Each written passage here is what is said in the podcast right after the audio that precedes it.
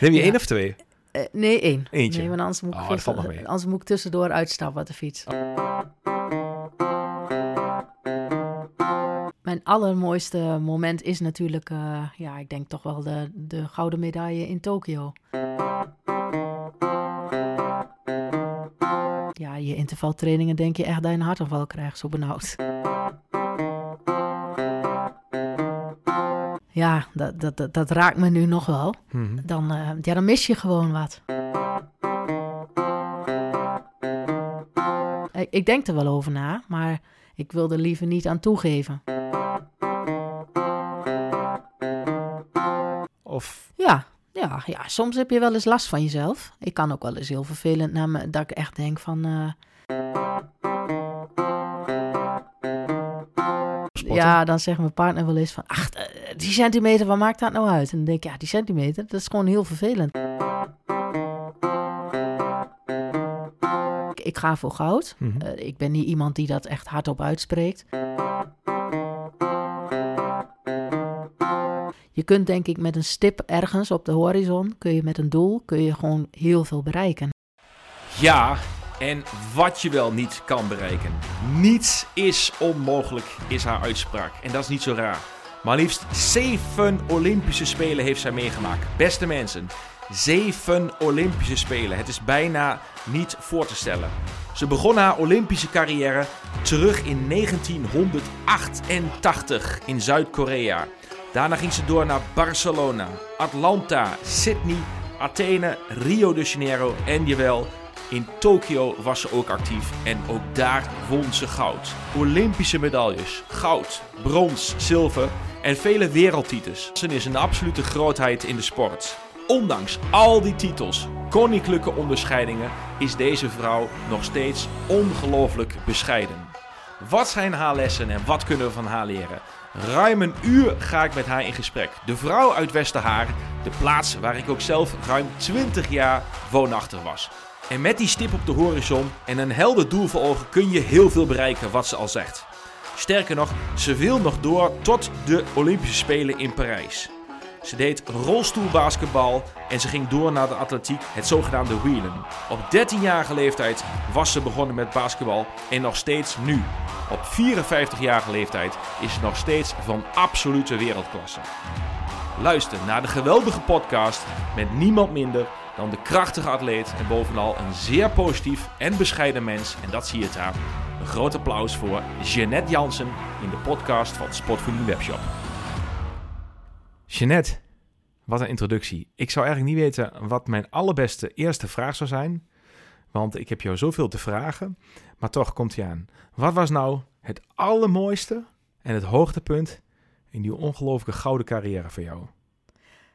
Nou, Henk-Jan, allereerst natuurlijk voordat ik het vergeet, bedankt eh, dat ik hier eh, in jullie podcast mag eh, meedoen. Heel erg leuk initiatief. Ja, superleuk dat je er bent. Ja, ik vind het ook heel leuk.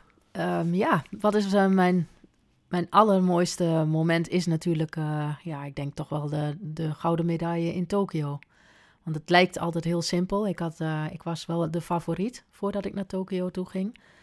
Maar om het eh, toch maar waar te maken, er speelde heel veel. Hè. We hadden natuurlijk een, eh een coronajaar. Eh, we gingen daar naartoe. Hoe is je hotel? We zaten niet in het Olympisch dorp.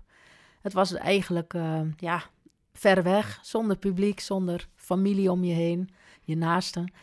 Dan moet je het wel doen. En omstandigheden, zoals iedereen weet, of zoals jij ook wel weet, het was natuurlijk bijzonder warm. Mhm, zeker. Ja, Ja, voor de en- mensen die die het even niet meer weten, kun je kort schetsen Tokio. eh, Ja, Tokio hadden wij eh, uiteindelijk ons voorbereid als ehm, een heel warm, maar voornamelijk echt heel vochtig. Dus we hebben ja, daarin eh, geprobeerd ook met klimaattesten te weten wat je hartslag en zo doet op, eh, op een eh, hogere temperatuur als in Nederland.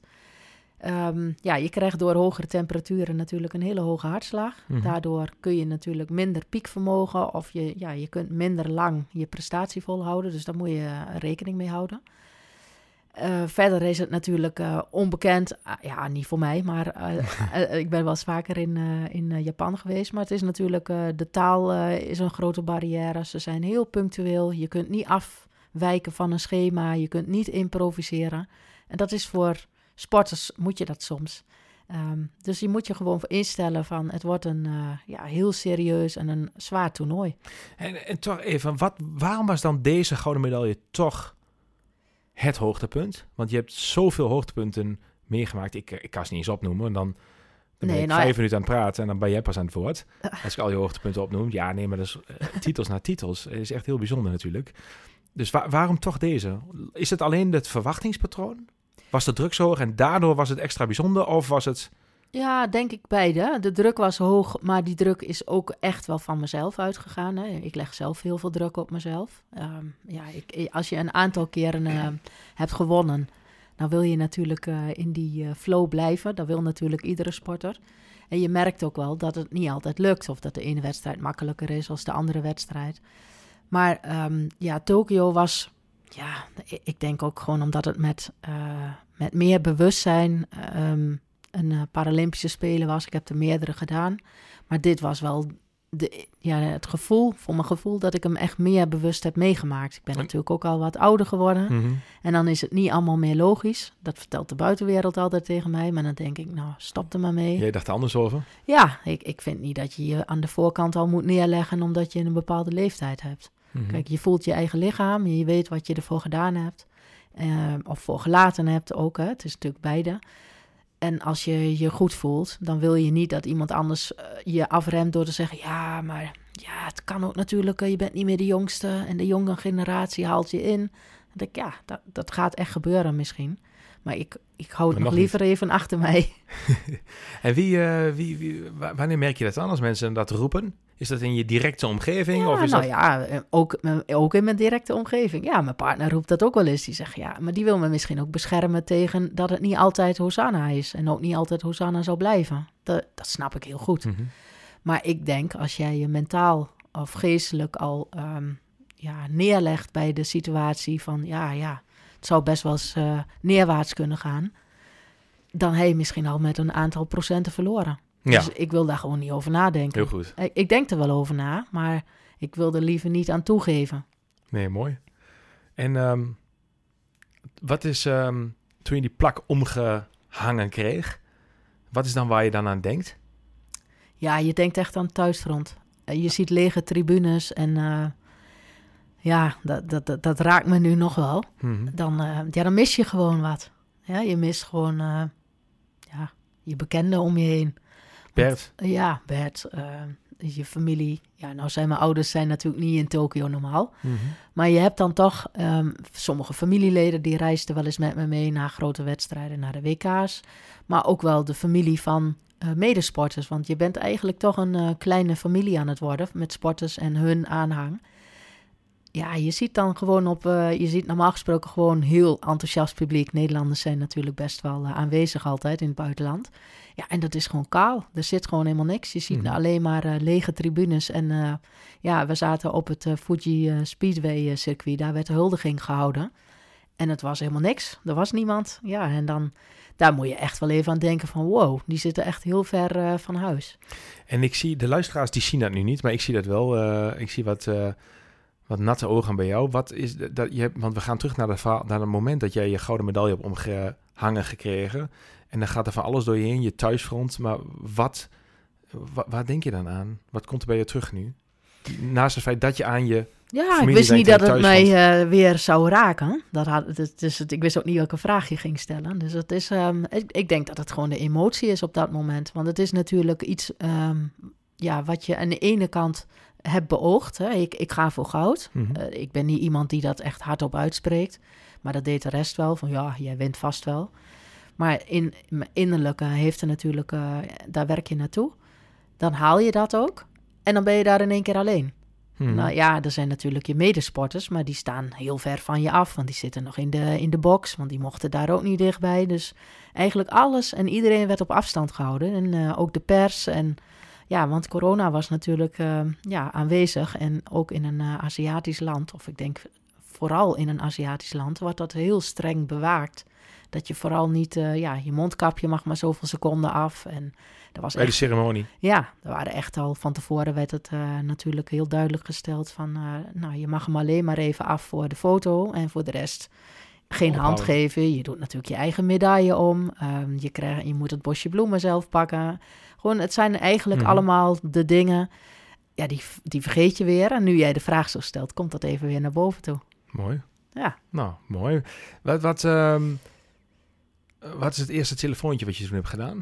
Ja, naar, eh, naar mijn partner. en dan is dat natuurlijk wat dan weer het fijn is. Dat je nu natuurlijk gewoon met eh, FaceTime of met eh, WhatsApp Ja. kun je natuurlijk beeld bellen. En ja, dat was vroeger natuurlijk niet aan de orde. Dan kon je Mhm. iemand niet echt zien. Dus nu kon je meteen bellen. En eh, ja, het was pas in het hotel, want we waren daar ook eh, op, het, eh, op, op de Speedway hadden we geen internet. Tenminste, ik niet. Dus als je dan belt, dan is het wel even weer met een volle emotie natuurlijk. Huilen, tranen. Ja, ja, Ja. zeker. Ja. Mooi. Alles is dan waard.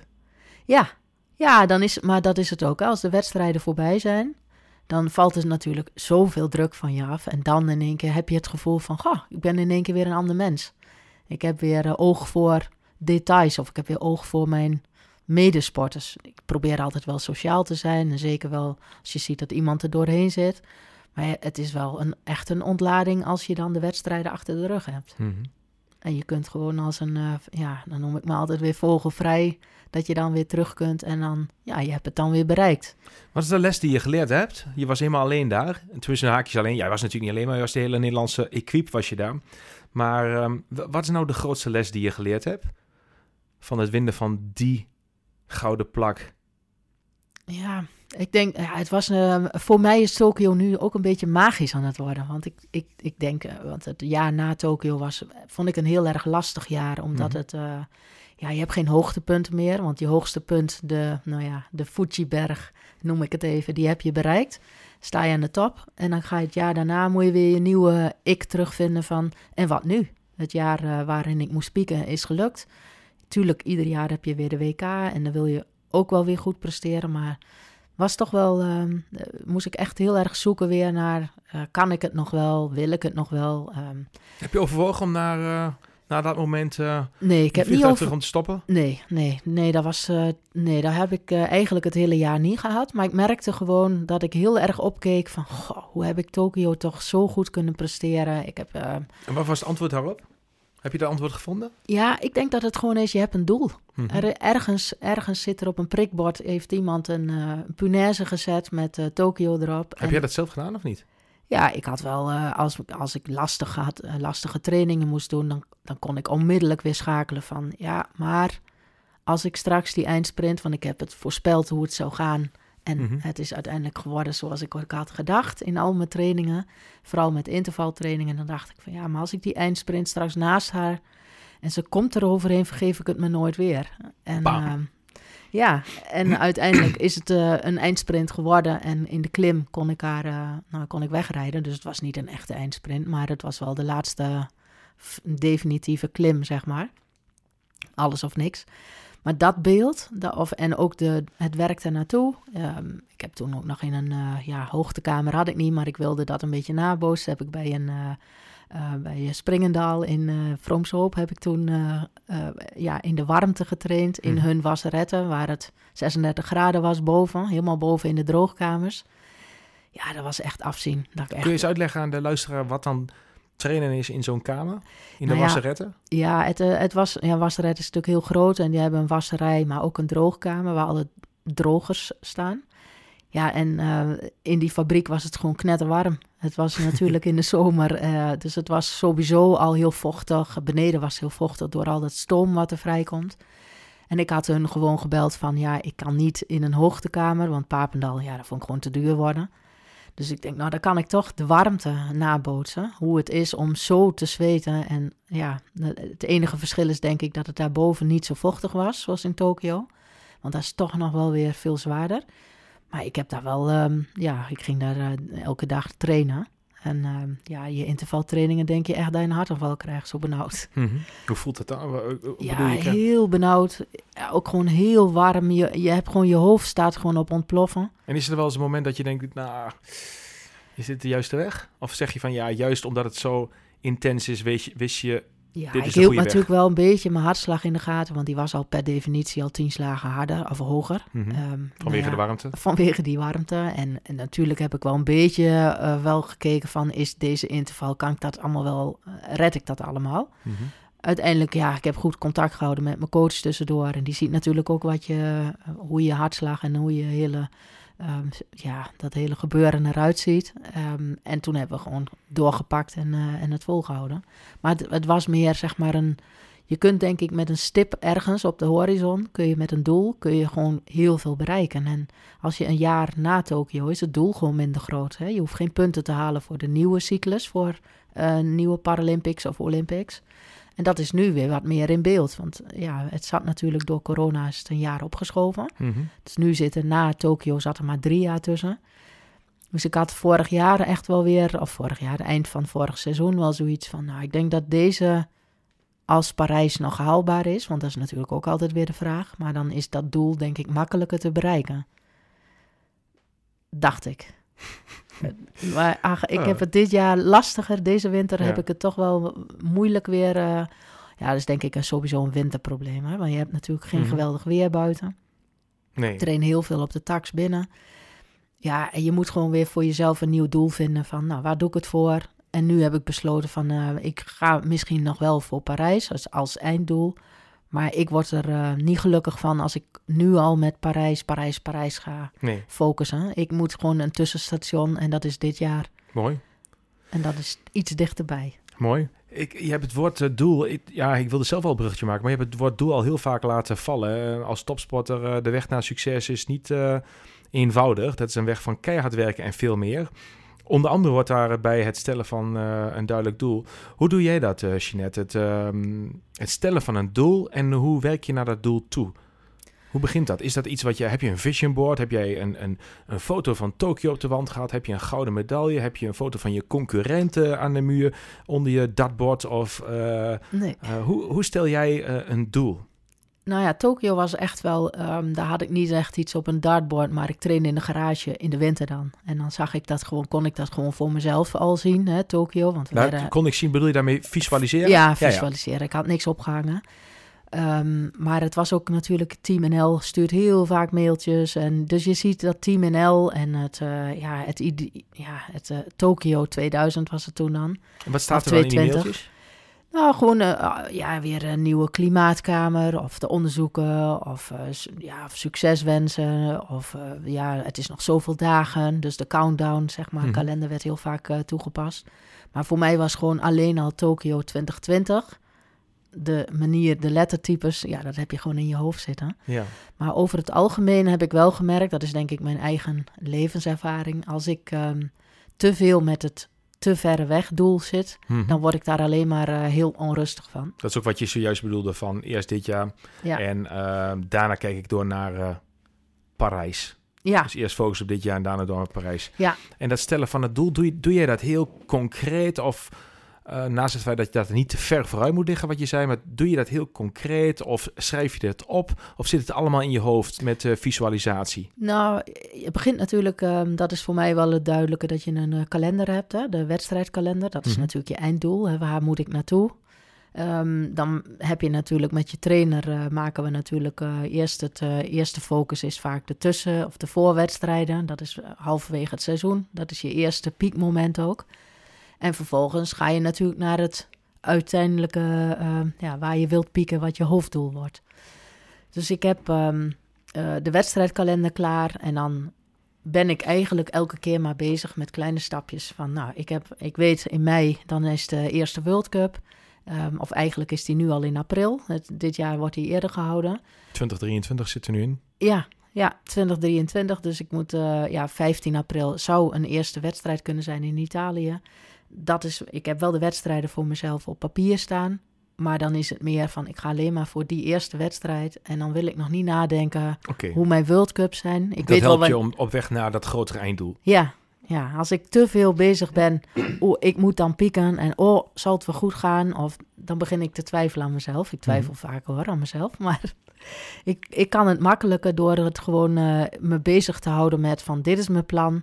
En ik moet niet denken aan, ehm, aan het eindresultaat, maar gewoon ja, in het moment blijven. Van nou, dit is deze week en deze week doen we deze trainingen. Is het altijd al zo bij jou geweest? Of heb je in je carrière op een andere manier in het verleden doelen gesteld waarvan je dacht van, god, daar heb ik van geleerd. En daardoor hanteer ik nu, 2023 en, en de weg naar Tokio, de strategie zoals je hem net omschreef? Of is het in het verleden anders geweest en heb je het meer gefine-tuned? Nee, nee, het is wel anders geweest. Want ik werd juist heel onzeker door um, te veel te veel bezig te zijn van... Oh, dan, moet ik, uh, dan moet ik echt er klaar voor zijn. En mm -hmm. dan was het zo'n groot issue geworden. En kwam het inzicht vanuit jezelf of van ja. andere mensen om je heen? Nee, nee, nee. Ik heb gewoon zelf uiteindelijk gewoon het heel klein houden. Mm -hmm. En ook proberen af te sluiten van wat de rest allemaal doet. Want dat is natuurlijk heel aantrekkelijk. Hè? Want er is, je hebt natuurlijk je medesporters waar je met sommigen heel veel contact hebt... En dan kan ik me ook wel flink door laten afleiden van, uh, ja, wij gaan, uh, ik ga dit trainingskamp doen en ik ga dit doen en ik heb uh, dat geregeld en, en dat en dat. Dan moet ik echt wel even weer tot mezelf van, dat is mooi voor hun, maar jij zit in jouw wereldje en laat je nou niet gek maken, want je doet het al goed. Ja. Dus vertrouw gewoon is, ja, dan moet ik wel elke keer weer even herhalen van, je moet op je eigen jij bent, jij doet de dingen zoals jij het doet. En dit past echt bij jou. Gewoon niet te veel bla bla. Gewoon uh, je voorbereidingen doen en uh, daarbij uh, meer kun je er niet aan doen. Mooi. Um, ik ga heel, helemaal terug naar, nou ja, niet helemaal naar het begin toen je geboren was, maar helemaal terug in de tijd. Um, je bent ooit begonnen in, um, met je eerste Olympische Spelen, of zeg ik Paralympische Spelen? Nee, maar mij niks Maakt niet uit. Nee. Oké. Okay. Je was ooit begonnen bij je eerste uh, Olympische Spelen, Paralympische Spelen uh, in Seoul, 1988. Ja, ja, ja, ja. ja. En nu draai je nog steeds mee op het allerhoogste niveau. Echt, ja, heel bijzonder. Um, maar daar is natuurlijk ook wat aan vooraf gegaan, want je komt niet zomaar in Seoul. daar gaat ook een hele lange weg aan vooraf, maar vooral een vurige wens, een droom, een ambitie.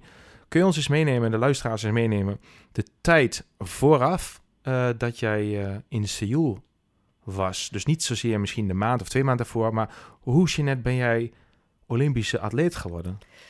Nou, ik denk dat het ook wel een beetje het sporten natuurlijk. Uh, ik heb, uh, ondanks dat ik mijn beperking al van mijn uh, geboorte af aan heb, heb ik altijd wel in eerste jaren meegesport met mijn vriendinnen. Ging ik altijd mee naar de gewone basketbalvereniging. Totdat het onderhand ja, op een gegeven moment niet meer mogelijk was. Want ja, ze springen tegen je rolstoel aan. Dus we werden toen werden wij uh, aspirant, dus toen kon ik niet meer meedoen.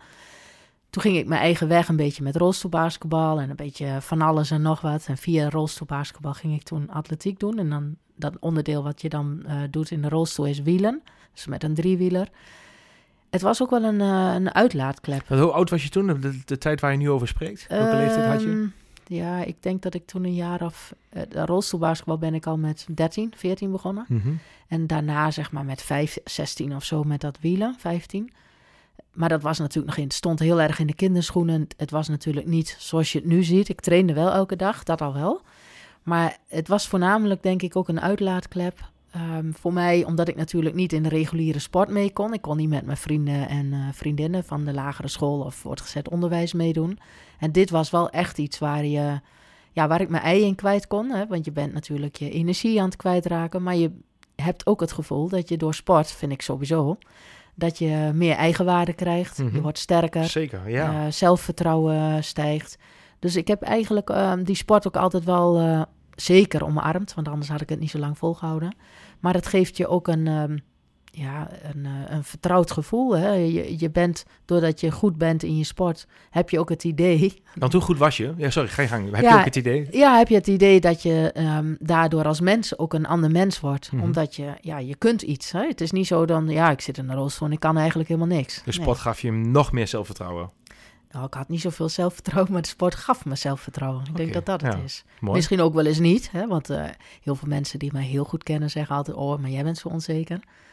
Dat ben ik ook wel, maar ik kan als het, als het echt de wedstrijd en het startschot is geweest... dan is alles weg. En, dan... en waarom, wat, wat, wat is de reden dat mensen dat zeggen? Of niet zozeer de reden, maar waar hangen ze dat dan op bedoel ik? Welke conclusie trekken ze waardoor ze tegen jou zeggen dat je onzeker bent? Even een zijvraag. Ja, ik ben, niet, ik, blijk, ik ben niet iemand die uh, loopt te, te, schreeuwen van de daken van of ik wel, hoe goed ik wel niet ben. Ondanks dat ik best veel medailles heb gewonnen.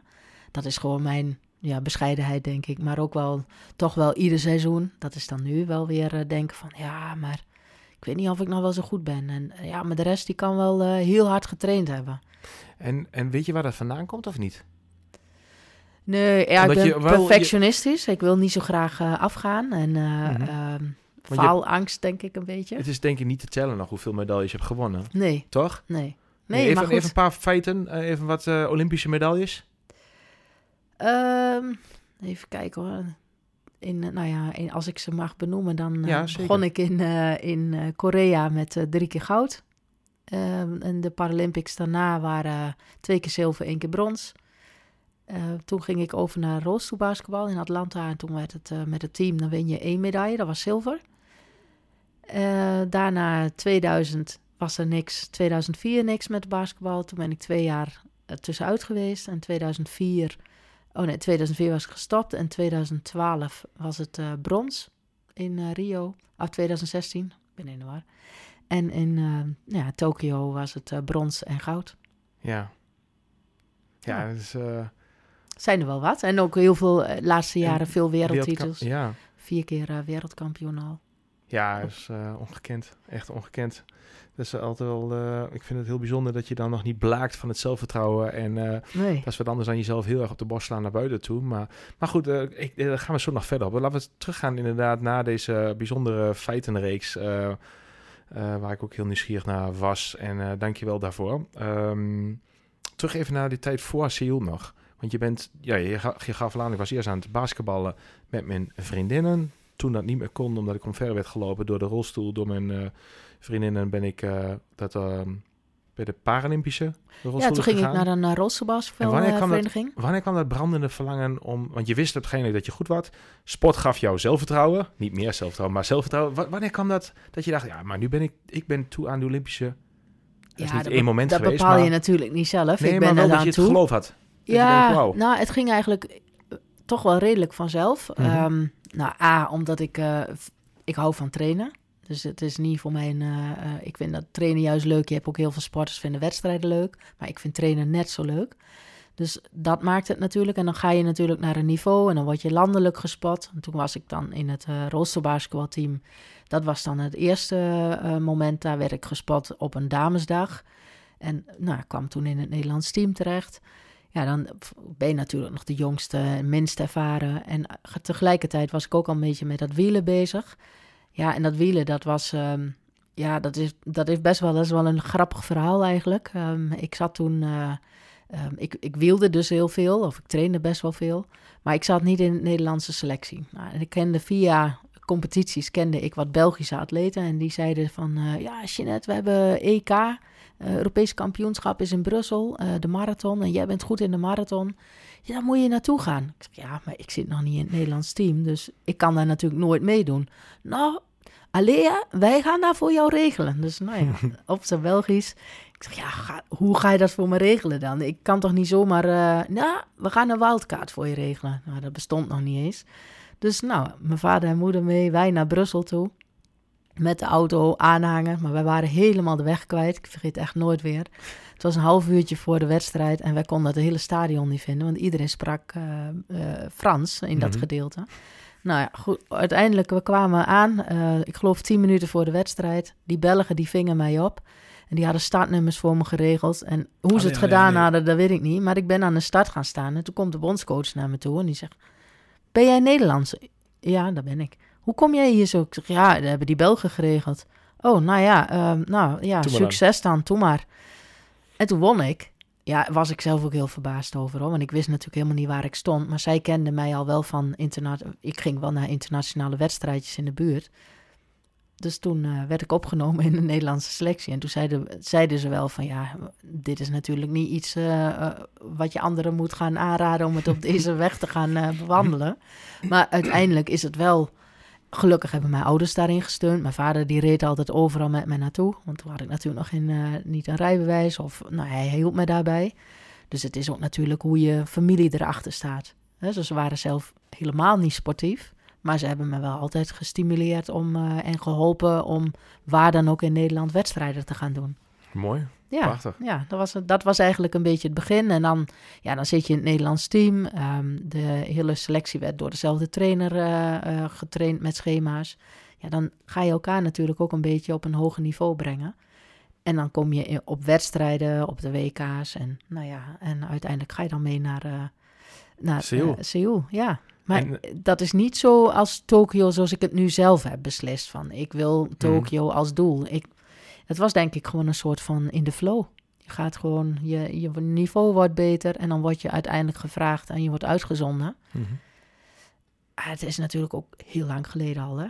Dus, 88, hè? ja, Ja, dat is lang geleden. Hoe lang is dat wel niet geleden? Ehm, nou ja, heel veel jaren. ja. Wat, ehm, als je één ding herinnert aan Seoul, wat herinnert je aan Seoul? Eén woord of één zin of één emotie? Je eerste spelen? Ja, ik, ik, ik denk dat eh Tokio was bijzonder, ehm, omdat het, eh, het resultaat was super.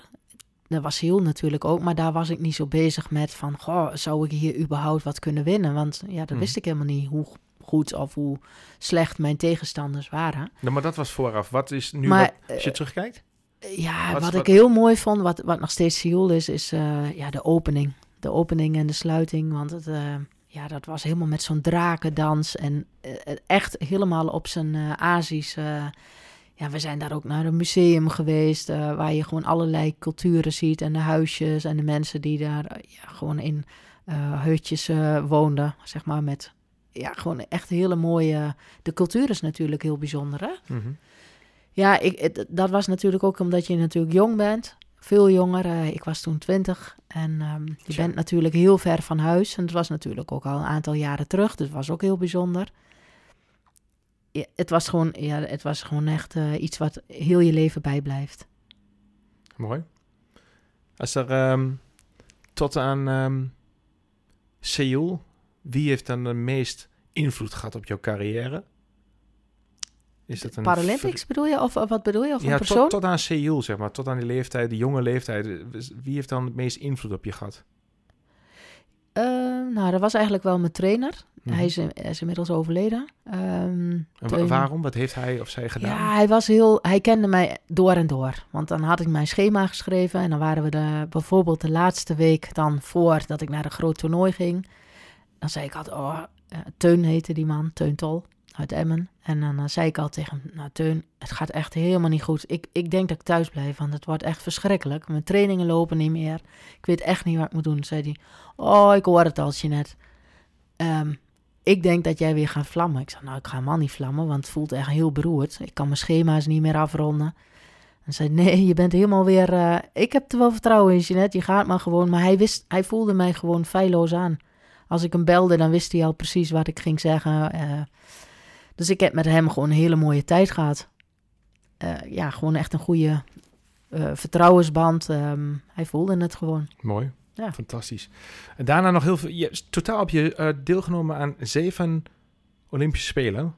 Ja. Ehm, wil je nog een, een, een moment benoemen naast wat we, nu, wat we nu over hebben, Seoul en Tokio, waar we over gehad hebben in het kort, eh, waarvan je zegt, goh, dat is ook wel iets ehm, wat heel bepalend is geweest voor mijn carrière in een van die spelen.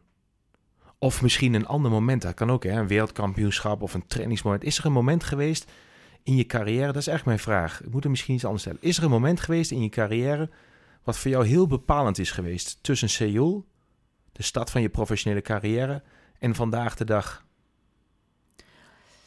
Nou, ik, ik kan niet echt een eh, moment. Het is natuurlijk wel wat ik in het begin ook al aangaf. eh, dat ik heb geleerd om niet te ver eh, mijn doelen vooruit te. Ik heb wel een einddoel natuurlijk. Dat heeft, dat heeft denk ik iedereen nodig. Om, om ergens op waar je het allemaal voor doet. Hè, dat is helder, dat doel.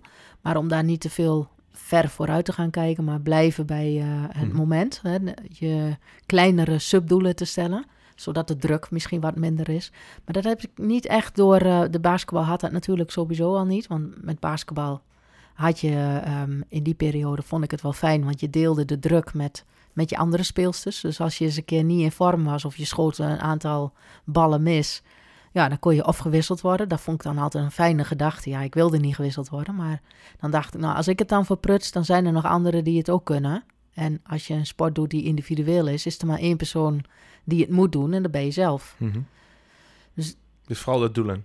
Ja, vooral de doelen, ja. Als je dan praat over mensen, welke mensen hebben jou, ja, die jij ontmoet hebt in je carrière, hebben echt een bijzondere bijdrage geleverd aan die carrière? Dus niet zozeer het, de dingen, zeg maar het stellen van doelen, maar welke mensen hebben. Ja, je hebt natuurlijk best wel sporters waar je een nauwe band mee hebt. En nu heb ik ook nog wel een aantal sporters waar ik eh, in, eh, in het handbikegebied eh, goed contact mee heb. En waar je ook heel regelmatig mee belt. maar dat is ook meer omdat ze weten hoe jij in een bepaalde periode bent. Hè? Vlak voor de wedstrijden, dan ben ik natuurlijk niet, dan ben ik altijd best zenuwachtig en nog steeds. Of onzeker. En die weten dat precies. En zeggen, ja, maar dat had je vorige keer ook. Of, eh, maar dat is eigenlijk een beetje meer een harde kern om je heen. Je partner, een vriendin, eh, een andere sp- eh, wat sporters en zo om je heen. Maar niet specifiek één persoon of zo. Oké. Is die onzekerheid die je omschrijft, ehm, is dat de reden dat je meer, is dat vooral de reden dat je zo goed bent? Nou, weet ik niet. Maar eh, ik denk wel dat de meesten die me kennen, die zeggen wel altijd van... Goh, Jeanette, ik snap niet dat je, dat, dat je daar zo onzeker over kunt zijn. Je, jij staat er al ergens Mhm. en je hoeft het alleen maar vast... Ja, vasthouden is ook best zwaar hoor. Want je hebt natuurlijk ook een soort... eh, Ja, het- eh, een, een standaard en die standaard is al heel hoog. En je moet het wel steeds ieder jaar weer... eh, moet je die standaard vasthouden of beter worden. Want ja, iedereen om je heen wordt beter. De techniek is beter, je materiaal is beter. Dus ja, dat is wel een druk waar ik mezelf goed eh, kan opleggen. Even, hoe zie je dat? Zou die onzekerheid je zo goed hebben gemaakt? Ja, misschien in mijn geval wel. Ja, als ik, als ik echt ga roepen van... nou, ik ga morgen winnen... dan denk ik dat iedereen omvalt. Dat snappen ze niet. Dat zou ik eigenlijk nooit roepen. Nou ja, je ik kan wel zeggen van, ik jezelf. voel me wel, ik voel me goed... Ja, Maar daarna, daarnaast weet je natuurlijk nog steeds niet eh, hoe de vlag erbij hangt op de dag zelf. maar het is ook niet iets wat je... Je, je bent er oké mee, toch? Of... Ja, ja, ja, soms heb je wel eens last van jezelf. Ik kan ook wel eens heel vervelend naar me, dat ik echt denk van, eh, nou, was, het nu maar wat, was ik nu maar wat zekerder, want nu zit ik mezelf misschien wel echt naar beneden te praten. Want dat Mhm. moet natuurlijk ook niet. Nee, Dat en is er, wel- is er een voorbeeld atleet of een coach die, eh, ja, die, waar je daarmee over spreekt? En dat bedoel ik niet therapeutisch, maar meer in de zin van... ehm, je bent, ja, de statistieken spreken voor zich. Je bent ongelooflijk goed. Je hebt alles gewonnen wat er te winnen valt. Ehm, maar is er ook wel eens een atleet die er anders naar kijkt, waardoor jij misschien zelfs gaat twijfelen en misschien zelfs wel dat moet uitspreken? Of zeg je nee, dat ga ik gewoon niet doen. Ik eh, ben wie ik ben en eh, klaar. Punt. Ja, nee, ik zal het nooit uitspreken. Nou, maar dat, goed, is dan, dat is toch mooi? Dan is dat goed? ja. Ja, nou ja, dus zo is het ook. En eh, Ja. dit is ook eh, hoe ik ben. En Ja, precies. Dat is toch mooi? Ja. Is er wel iets wat je zo... ehm, is er nog iets wat je zou willen verbeteren? aan mezelf? Ja, aan jezelf, je sportieve carrière. Is er nog iets waarvan je zegt van... eh, je- kijk, je hebt je doelen gesteld en je werkt nu met kleine subdoelen toe naar de Olympische Spelen van Parijs. Maar is er nog iets waarvan jij zegt van... Goh, juist omdat je zo goed bent in die doelen en die stellen van die subdoelen... Zit er nog iets in, Jeanette, waar jij van zegt... Dat wil ik nog verbeteren? Ja, weet je, in, in deze sport blijft er natuurlijk eh, heel veel afhankelijk van eh, materiaal en van positie. dus daarin wil ik nog wel echt wat gaan doen. Maar goed, het is ook een hele dure sport. En het nadeel is, je kunt niet zoals jullie gaan even, of jij gaat naar de fietsenwinkel of naar de fietsenhandel. En je bestelt bijvoorbeeld een, ja, een of een andere fiets. En dan kun je daarop proberen. En als het niks is, dan zeg je van, ah, het was hem toch niet, doe me toch maar die andere fiets. Maar die fietsen van ons, die worden echt op maat gemaakt. Dus als Mhm. ik een beslissing neem en ik denk van, nou, dat is hem. Eh, Vorig jaar had ik bijvoorbeeld ook een andere fiets besteld, of eh, twee jaar geleden alweer. Dat ik dacht, nou, dan heb ik nog een reservefiets sowieso. Ik bestel gewoon bijna dezelfde fiets. Ik heb die fiets nooit aangeraakt, omdat ik er gewoon niet in kan wennen. Ja, ik heb er wel Ja. aangeraakt, maar mijn oude fiets is nog steeds mijn oude fiets. Maar het is gewoon zo ehm, ja, op maat gemaakt dat het iedere verandering, en daar ben ik ook echt een eh, vervelend iemand in, als maar iets anders is, dan klopt het dan niet. Nou, je weet wat je wil. Daarvoor, Ja, eh, dat hoort toch bij een topsporter? ja, dan zegt mijn partner wel eens van... ach, eh, die centimeter, wat maakt dat nou uit? En dan denk ik, ja, die centimeter, dat is gewoon heel vervelend. Dan moet ik echt wel weer... Mhm. Ja, daarom ben je zo goed. Ja, nou ja, maar ik ben niet echt Mede. een verandertype. Ik, ben, eh, ik hou wel van eh, de dingen die ik heb, die zijn goed. En waar uitzicht dat in? Kun je eens een voorbeeld geven? Nou ja, dat ik die fiets gewoon... Uiteindelijk heb ik een, eh, een fiets in de schuur staan. Die gaat altijd overal mee naartoe.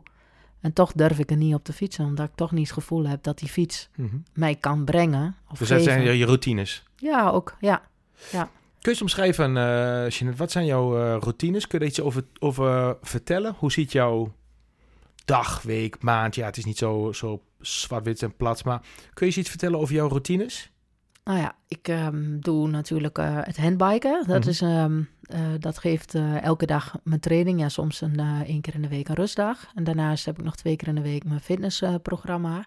ja, en in de, in de, dat is in de winterperiode blijft, blijft het alleen maar bij trainen, interval, ehm, trainingen, duurtrainingen en een beetje zo'n mixtraining. En dan nog je twee keer in de week naar de fitness. En voor de rest, ja, doe je niet- geen wedstrijden. In de zomer wordt het natuurlijk het programma heel anders. Want dan ga je natuurlijk minder intensief trainen. Want dan heb je in de weekenden je wedstrijden. Of nou ja, niet Mhm. ieder weekend. Dus dan is de balans ook meer eh, gericht op eh, de wedstrijden. Ehm, dan moet je naar Italië. Je moet je, je voorbereiden, parcours verkennen. Dus dan is het al veel meer het reizen erbij. En dat is in de winter is het vrijwel relaxed. Ja, en nu ga ik binnenkort dan naar Kalpen toe om daar weer een, eh, ja, een duurkamp te gaan doen. Want dat is eigenlijk een beetje in deze periode. Om weer uren te maken. Want ja, uren maken op de tax is niet echt, eh, Is niet echt leuk, hè? is niet echt leuk. Nee, is niet echt Nee. uitdagend. Nee. Als ik er iets op inzoom op je routines, iets kleiner maakt. ehm, hoe laat, eh je ochtends sta, sta je op? Hoe laat sta je op? Verschil wellicht, maar... ja, eh, half een- acht. Is dat een ritme? Kwart voor acht, ja. Zet je een wekker of word je zelf wakker? Nee, ik word in principe wel zelf wakker. Ehm, ja, ligt er even weer aan als je weer ergens geweest bent, dan ben je weer uit je ritme. Maar ja, ik heb wel altijd een ritme van anderhalf uur nadat ik opsta, moet ik ook echt mijn eerste training eh, hebben. Of er moet wel minimaal anderhalf uur tussen zitten, dat is ook een beetje het gevoel. Omdat je dan wakker bent? Ja, wakker bent, eh, toilet, eh, noem maar op, eh, koffie, eh, nou ja, even wakker worden. En hoe word je wakker? Vrolijk? Of eh, zeg je van, nou, bed zit me niet te veel aan, de Nee, nee, nee, ik kan meteen, Of, ik kan meteen los. Ja, je Ja. bent, staat meteen aan. Ja, ja. Ik en ben wat doe je dan? Je gaat uit ochtend. bed en... ehm, Ja, koffie. Koffie, is het belangrijkste. neem je Ja. één of twee? Eh, nee, één. Eentje. Nee, want anders moet, ik Oh, anders moet ik tussendoor uitstappen op de fiets. Oh ja, ja. Nou ja, en ik train nu natuurlijk in de garage. Voor, eh ja, voor bij wintertraining is het heel veel binnen trainen op de tax. En dan heb ik een laptop naast me voor Netflix. Nou, dat is nog, de, dat is nog de, de training. En als je, je bent eerst, je bent nog wakker, er zit nog anderhalf uur tussen. Ja, dan nou ja, drink dan je koffie en dan... eten, eh, nieuws kijken. Wat eet je, s ochtends? Ik eet nu weer brood, maar ik heb ook een hele tijd aan, aan hoe heet het ook alweer? Ja, zeg maar. Geen idee. ja, melk Ja? Eh, ja. eh, Kwark, met pap. koffie, ja, Brinta, echt, granola. Ja, ja. Ja. En dan, eh, nou ja, goed, dat moet ik dan even laten zakken natuurlijk. Want Ja. anders, in die fiets zit je natuurlijk best wel vast. Dus dan heb ik geen zin om tussendoor nog even een toiletstop of zo te nemen. Nee. Maar ehm, nou ja, dan begin ik met voorbereidingen van de fiets. Eh, mijn drinken voor te bereiden, mijn reepjes klaar te leggen. nou ja, de tax, eh, de verlichting aan, ehm, handdoek in de fiets. En dan omkleden, toilet en dan eh, ja, gaan. En, en ben jij netjes? eh, ligt Ja. alles op dezelfde plek? eh, ja, ja, ja, want Ik zie al lachen en ja, ja, ja, ja, zeg ik je. ben ja. een beetje autistisch Nee, volgens nee, mij. Want ik betrap toch? me er wel, ik moet dan echt, ja, ik vind het fijn dat dan alles is opgeruimd en in de garage, want ik train in de garage, dus ja, Bert komt daar ook wel eens binnen natuurlijk. Ja. Of anderen, en, en dan, ja, dan hou ik er niet van dat er allemaal rommel om me heen of op de grond ligt. Dus Mhm. Ja, dan moet Netjes. het toch wel, eh, het moet netjes zijn. En dan heb je dan functioneer je beste. Ja, ja. Zijn je routines veranderd in de afgelopen jaren? Ben je gaan eh, Nou, dingen gaan leren waardoor je zegt, als ik dit verander, dan kom ik dichter en sneller effectiever bij mijn doel? Nou, we hebben een keer, eh, dat was wel heel erg, dat is wel een grappig iets. We hadden een pre-WK trainingskamp hadden we een keer met, met selectie. En toen werden we door, er was ook een, eh, eh, een sportpsycholoog bij. En die ging ons in twee groepjes delen. De mensen die introvert, of door middel van quizjes kwam je erachter wie introvert was en wie extrovert was. Nou, ik zat bij de introverte groep. Maar er waren een aantal mensen die ik van tevoren wel zelf had kunnen zeggen van, nou ja, dat is echt een extrovert. Die, die blaakt van zelfvertrouwen, die roept over, de, nou ja, over alles en nou ja, bijna uit van nou ja, hoe goed hij wel niet is. En, nou ja, dus die quizjes gedaan. En toen kregen we eigenlijk allemaal eh, strikvragen van, nou, wat zou je hiermee doen, wat zou je daarmee doen, wat maakt jou onrustig? Nou ja, die persoon, die, was, eh, die kan heel goed met een warming-up, moet je mij gewoon met rust laten. En dan heb ik gewoon mijn, ter- mijn, eh, ja, mijn tent, partytent, meestal is het natuurlijk buiten, mijn tax, die staat klaar. Daar heb ik allemaal al getest. Of Ben je in goed jezelf? doet. Heb je muziek op? Of Nee, ik heb nooit je muziek je goed op. va- afo- afscheid, af, eh, Ja. Maar ik vind het wel lastig als mensen dan bij je komen Mhm. praten en afleiden. Dan denk ik, nou, eh, ik ben nu bezig, maar ik wil binnenkort of over 20 minuten Ja. begint mijn warming-up. Dan wil ik fo- focus. Ja, dan begin ik mij al wel een beetje, kan ik mij wel gaan irriteren. Daar uit ik niet echt, maar dan, ja, dan, dan heb ik al het idee van, het komt niet goed. Hij moet nu weg. Ik moet en nu mijn ding dan? doen. Hoe doe je dat dan? Omdat je... ja, Betty is meestal bij me en die oh ja. snapt het dan wel. die en zegt, die, "Psh, ja, maar goed, we hadden dus die, eh, die test gedaan. En, ehm, en toen dacht ik dacht altijd, als ik, het, als ik het niet doe zoals ik het altijd doe, gaat het helemaal mis. Dan komt het niet goed, want ik moet gewoon nu... Het is 20 minuten van tevoren, nou, het toilet geweest, ik heb dit gedaan, dat gedaan. Fiets staat klaar, ik kan zo beginnen. En die persoon, die kon nog op het allerlaatst, kon die nog van allerlei grappen en grollen uithalen. En er kon nog in één keer een fiets gewisseld worden of eh, iemand kwam een praatje maken. En, en ik dacht al, nou, dat kan niet. Dat, dat, waarom heb ik dat toch niet? En toen heb ik dat eens, hebben we het erover gehad en in de groep, waarom dat dan zo verwarrend is voor mij. En dat het uiteindelijk, ja, voor mij voelde het als fout. Hij deed het fout en ik deed het goed. mhm. Maar bij hem ging het ook allemaal goed. Dus toen heb ik het eens geprobeerd van zijn kant te belichten. Waarom, wat maakt het nou uit of iemand vijf minuten langer met je praat? Of waarom ben je dan zo van de leg, zeg maar even? Nou, sinds dat we dat hebben gehad, die, die sessie met eh, nou ja, de introvert-extroverte groep, ben ik het ook anders gaan belichten. En ook vanaf dat moment gedacht van ja, maar er kan altijd wat tussen komen. Een journalist die net iets te lang iets vraagt. We hadden toen de WK in de Emmen in 2019. Nou, dat was bij mijn thuisclub, want daar had ik ook altijd, was ik altijd lid geweest. Dus daar kwamen ook heel veel mensen op af die nu eens een keer mij van dichtbij konden zien. En die vinden dat natuurlijk heel mooi om te zien van, goh, hoe doe je die warming-up? En eh, machtig mooi voor elkaar en een partytent erbij. En, nou, en, eh, en oh, oh, en ziet dat er zo uit? En wat is dit dan? En die bleven maar praten. En toen dacht ik, nou, ik moet gewoon loslaten. Ja. Mooi, verandert niks aan. Ja. En want het kan op een heel kritiek moment een keer gebeuren. En als je dan niet kunt switchen, dan raak je helemaal in paniek en dan gaat het fout. Dus het kan altijd een keer tegenzitten. En vanaf dat moment heb ik het een beetje meer. Ik probeer wel mijn lijnen aan te houden.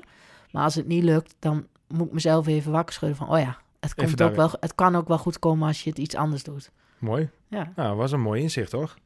ja, Ja. Ja. En dat heeft je, dat, he- het helpt je om eh, je toekomstige keuzes eh, of toekomstig anders te gaan gedragen eh, in positieve... ja zeker. Dat bij, je wat, draagt bij aan het, eh, aan het resultaat ja, positief. dat je wat losser kunt Ja. eh, zijn. Ook in de wedstrijd. Als ik kijk naar de luisteraar, ehm, die, of de luisteraars die hier naar lu- luisteren, er zijn ehm, drie tips, als ik jou mag vragen, Jeanette, die jij geeft aan de luisteraar die ook de top wil bereiken. Kun jij in het kort aangeven welke drie tips jij hebt voor een jonge sporter, of misschien al een iets oudere sporter, die een next level step wil maken?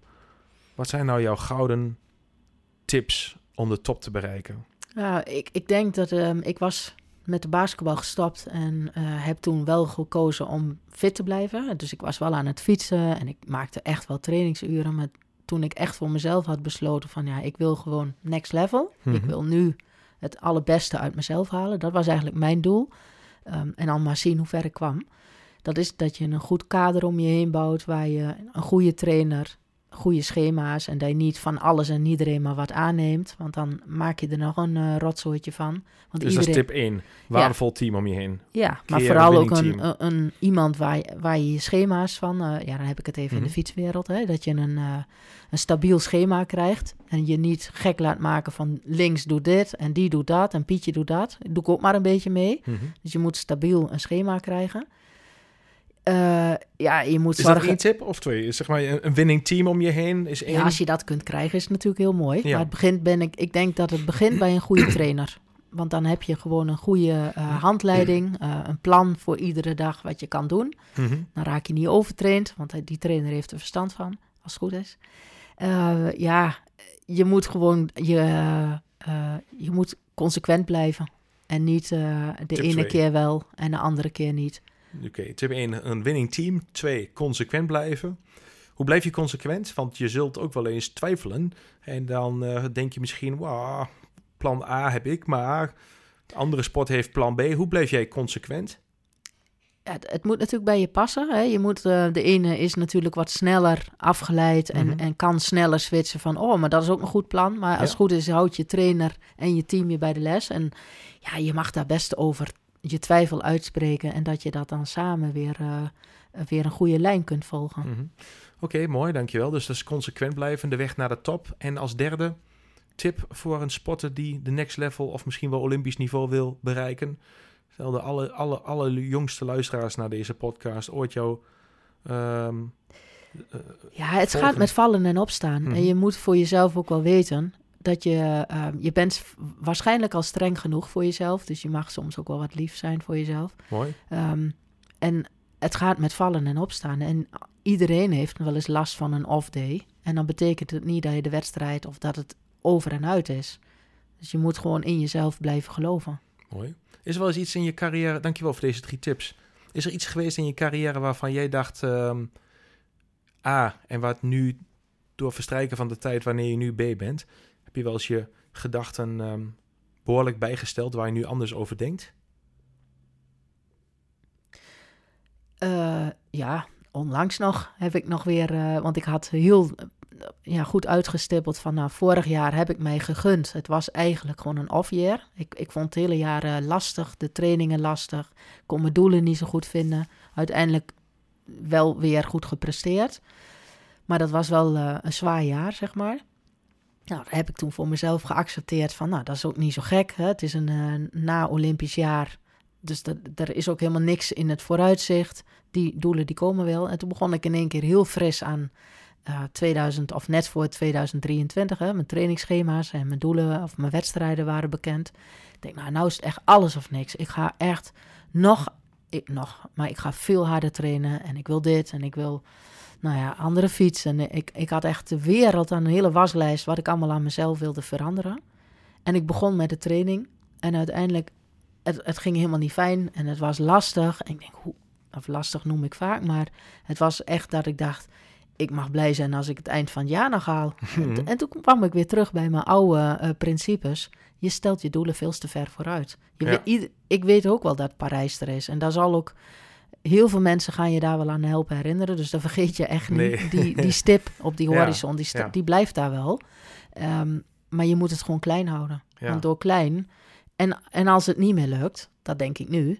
dan is er ook geen man overboord. Want ja, je, je mag je eigen keuze maken natuurlijk. En als sport niet meer alles is... dan is het ook geen schande dat je ermee kapt. Nee, nee zeker. Alleen, eh, ja, mijn doel is nog wel verder. Maar als het niet meer lukt, ja, dan is het klaar. Mooi, mooi. Nou ja, mooi. Hey, eh, gouden titels, eh, wereldtitels, wereldkampioen, op bezoek bij de koning. Je bent onderscheiden. Ja. Ehm, tal van mensen leren kennen in je hele carrière, in je hele le- sportieve, zes, eh, zes je hele leven. Wat is nou ehm, iets waar jij ontzettend dankbaar voor bent met alles wat je hebt meegemaakt, uh, Jeanette? Ja, ik denk dat je pas gaat ehm, beseffen als je klaar bent. Want toen ik die tussenstop heb gehad tussen basketbal en eh handbiken, toen ging ik ook af en toe eens een keer in een fotoboek. Of eh, toen hadden we nog fotoalbums van al je avonturen. En dan ging je toen pas beseffen van wat heb ik allemaal bereikt. Nu Mhm. zie ik ook af en toe wel mijn medailles liggen in de kamer. Alleen- ze? In de, ja, in een eh, allemaal, gewoon. maar nee, alleen mijn, Olymp of mijn wereldkampioen en mijn Olympische medailles. De rest heb ik niet van World Cups en zo dan niet. Ehm, Nee, maar dan de zie deur ik, niet meer open doen van je huis. die liggen boven in een kast. maar dan, dan zie ik ze wel eens en denk van jeetje, waar, wanneer begin je daar nou trots op te zijn? Maar ik denk Mhm. dat het gewoon niet echt lukt als je nog in de flow bent. Of je bent nog steeds Ja, je Dat ziet wel in dat, het, ehm, dat je er heel trots op mag zijn. En dat het maar weer een, eh, de vraag is van hoe gaat het nieuwe seizoen? Hè? Je kan ook een keer eh, een, eh, er kan ook een blessure tussendoor komen of van alles en nog wat. Daar denk je als sporter liever niet aan. Niks is vanzelfsprekend. Maar mijn vraag is, waar ben je dankbaar voor? Dan geef je als antwoord van, ik denk, of ik hoop en ik ga eigenlijk ook wel vanuit dat ik na mijn carrière het echt ga zien. Ja, En als ik je nu de vraag stel, Jeanette, en je, en je staat er nu even bij stil met mij en de luisteraar, en je denkt er even over na, ehm, Ja. en je mag even eh, nadenken, waar, ehm, waar ben je dan dankbaar voor? Eh, nou, dankbaar sowieso dat ik als sport, dat ik in de sport zo ver ben gekomen. Dat is natuurlijk wel eh, eh, iets heel moois. Hè? Dat je daardoor voor jezelf ook iets hebt kunnen bereiken. Of de, misschien ook wel stiekem de maatschappij hebt kunnen laten zien. Als je in een rolstoel zit of, eh, of welke beperking. Betekent niet dat je leven ophoudt. Hè? Je, bent nog steeds wel, je kunt nog steeds heel veel bereiken in je leven. Ehm, ja, Tokio blijft wel heel erg hoog staan. En mijn allereerste wereldtitel met het handbiken, dat was ook wel een hele bijzondere. Was in uh, 2018. Mijn zus was er, de, mijn neefjes waren erbij, uh, mijn partner was erbij. Nou, was heel, dat was een heel intens moment, omdat het daar complete verrassing was. Je eerste wereldtitel is ook wel heftig. Heb je die trui nog? Zeker, ik heb ze allemaal nog. Oh, goed, ja. mooi. Dus niet alleen de medailles die... Uh, nee, ik heb één wereldtrui uh, aan mijn trainer ingelijst. met de foto's en weet ik veel. Want ik heb nog altijd dezelfde trainer. Maar de rest heb ik allemaal nog in de kast. Ja. Mooi. Mooi. Um, is iets waar jij um, waar je op terugkijkt, waar je van denkt van... Wat verdikke, daar heb ik echt wel een beetje spijt van in mijn leven. Dat kan een, um, een sportieve prestatie zijn, maar dat kan ook iets anders. Is iets waarvan je denkt van, poh, maar, heb ik toch een beetje spijt van? Uh, nee, ik heb geen spijt. Maar ik ben, um, ik weet nog dat ik, uh, dat heeft een beetje meer ook met je uh, verdere ambities te maken. Want uh, uiteindelijk komt er straks een keer een einde aan die uh, carrière van uh, alleen maar sporten. Dan moet je weer terug in, de, in het gewone leven. Ja, ik heb wel na Tokio heb ik wel heel bewust gedacht van... ja, en als ik nu stop, mm -hmm. ik laat helemaal niks na. En dan heb ik het zelf allemaal heel goed voor elkaar gehad. Maar we hebben helemaal geen nazaten, of nazaten, maar we hebben niet heel veel opvolgers. En vrouwen handbiken staat toch nog wel op een vrij laag pitje. Ja, in de wereld is het steeds meer aan het opkomen, ook heel veel jonge meisjes. Maar daar had ik wel, uh, daar heb ik toch wel het energie in gestoken. Uiteindelijk is het nog niet helemaal geworden wat ik ervan wil, uh, van had gehoopt. Maar dat is wel echt een, een beetje een, uh, iets wat... Wat is niet van wat er gehoopt? Ja, ik had gehoopt dat we misschien... dat ik al een beetje aanstalten had kunnen maken... of een beetje meer een begin kunnen maken van... Goh, misschien groepstrainingen uh, mm -hmm. met vrouwen of met meisjes. Of, maar niet alleen maar het doel van... het moet meteen iemand worden die naar de Paralympics wordt uitgewezen. Maar gewoon iemand die... Het fundament. Die de, ja, het fundament, die de mm -hmm. sport leuk vindt. En, en van het een komt het ander. En ze kennen uh, elkaar. Het wordt een sociaal groepje. Dus eigenlijk hè? is dit gewoon een mooie oproep.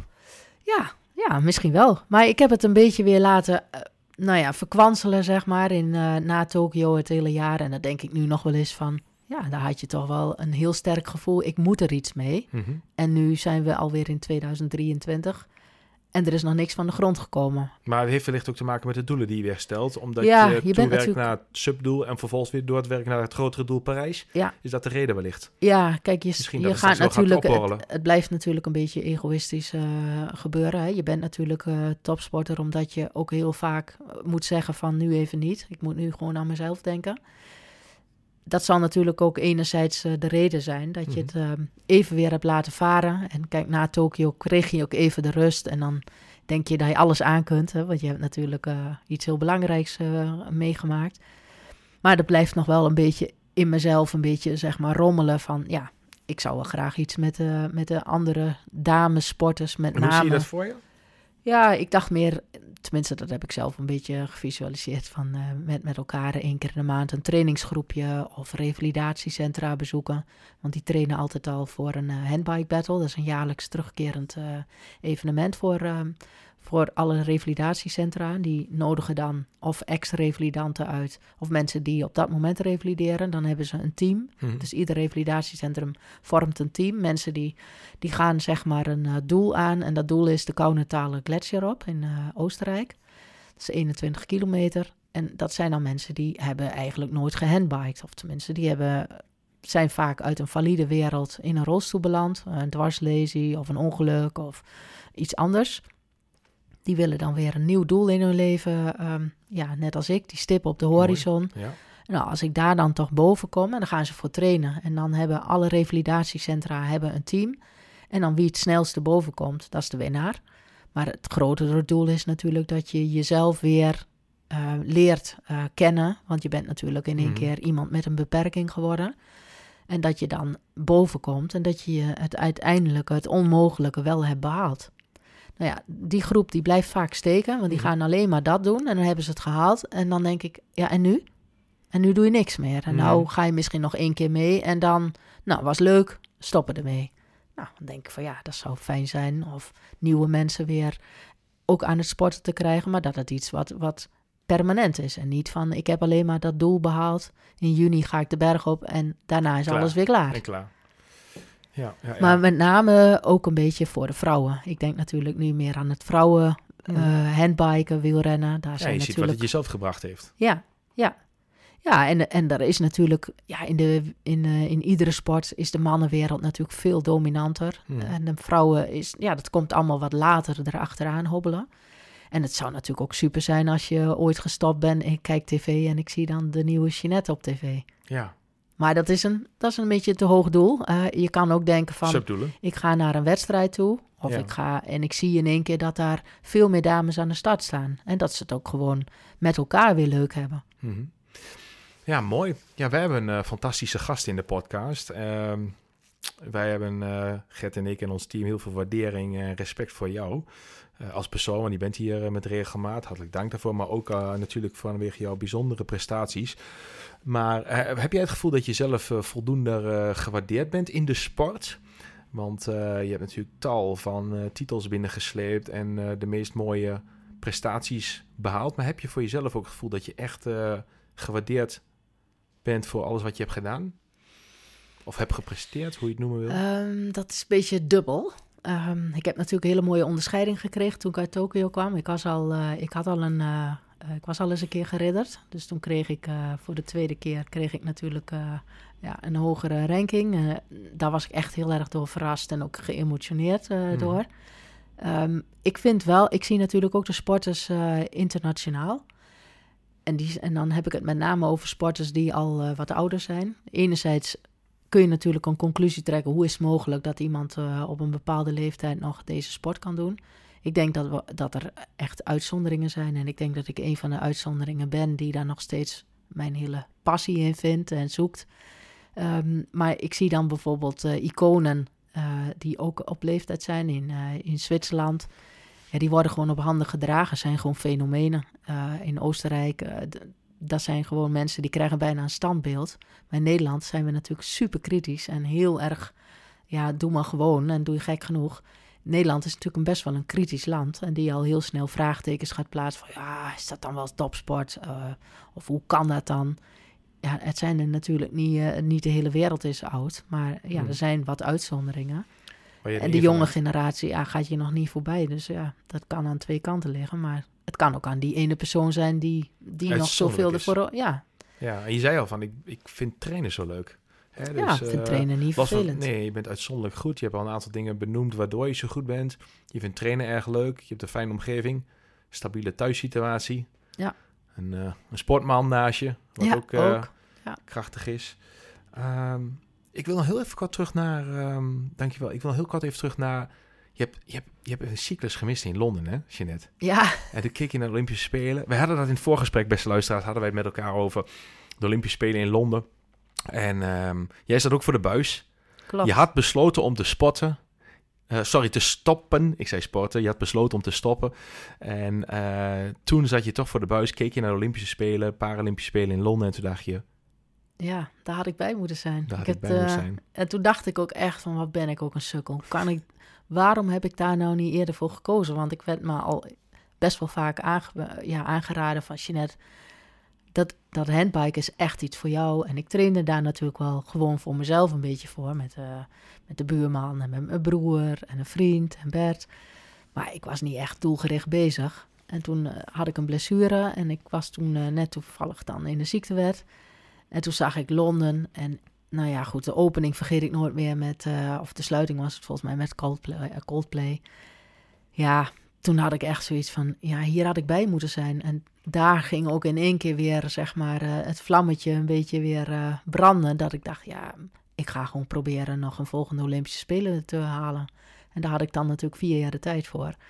En toen is Rio natuurlijk ook gekomen. Ehm, bijna misgegaan, want toen zes weken, nee, tien weken van tevoren brak ik nog een pols.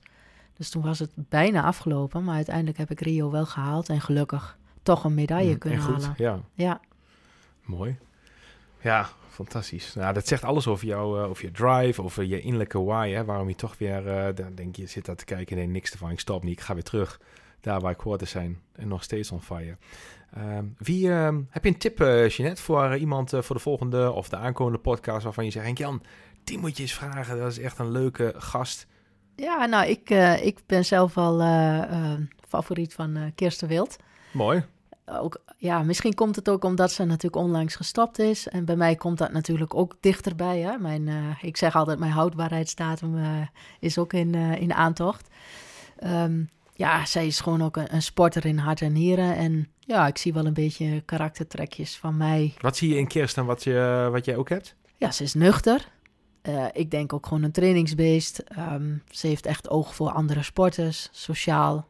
Maar ze kan ook gewoon echt gaan. En dan ziet ze ook niks en niemand meer. Maar dat, dat is ook de sport.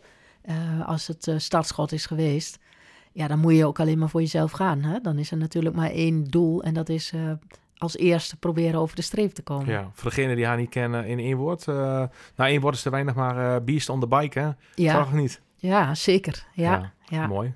Ja. we gaan dan richting het einde, Jeanette. Is er nog iets aan het einde van de podcast waar je op wilt terugkomen? Wat je wil aanvullen? Of wat je zegt, nou, dat is nog niet besproken dat zou ik echt nog wel willen, uh, willen delen. Nou, je hebt eigenlijk wel heel veel uh, zaken al behandeld. Het is, nee, ik heb eigenlijk uh, alles ja. wel gezegd wat ik had willen zeggen. Mooi. Wie, uh, wie is nou eens meest trots op jou?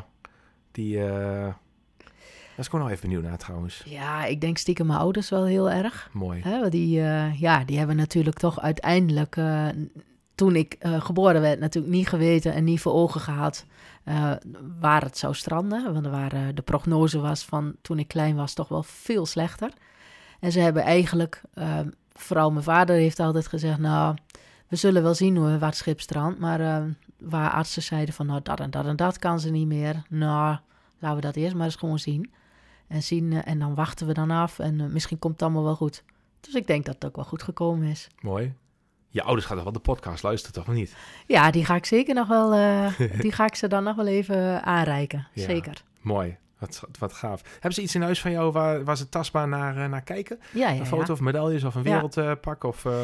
Ja, ze, hebben, ze waren bij de WK in, in Emmen natuurlijk. Ja. Daar staan ze mee op de foto met de trui. En ja, ze hebben mijn medaille van, ja, volgens mij ook van een ander WK en die van, van Tokio hebben ze netjes in de kamer. Geweldig, mooi. Hey, ik heb een laatste vraag voor jou, Jeanette, als jij tenminste niks meer wilt toevoegen.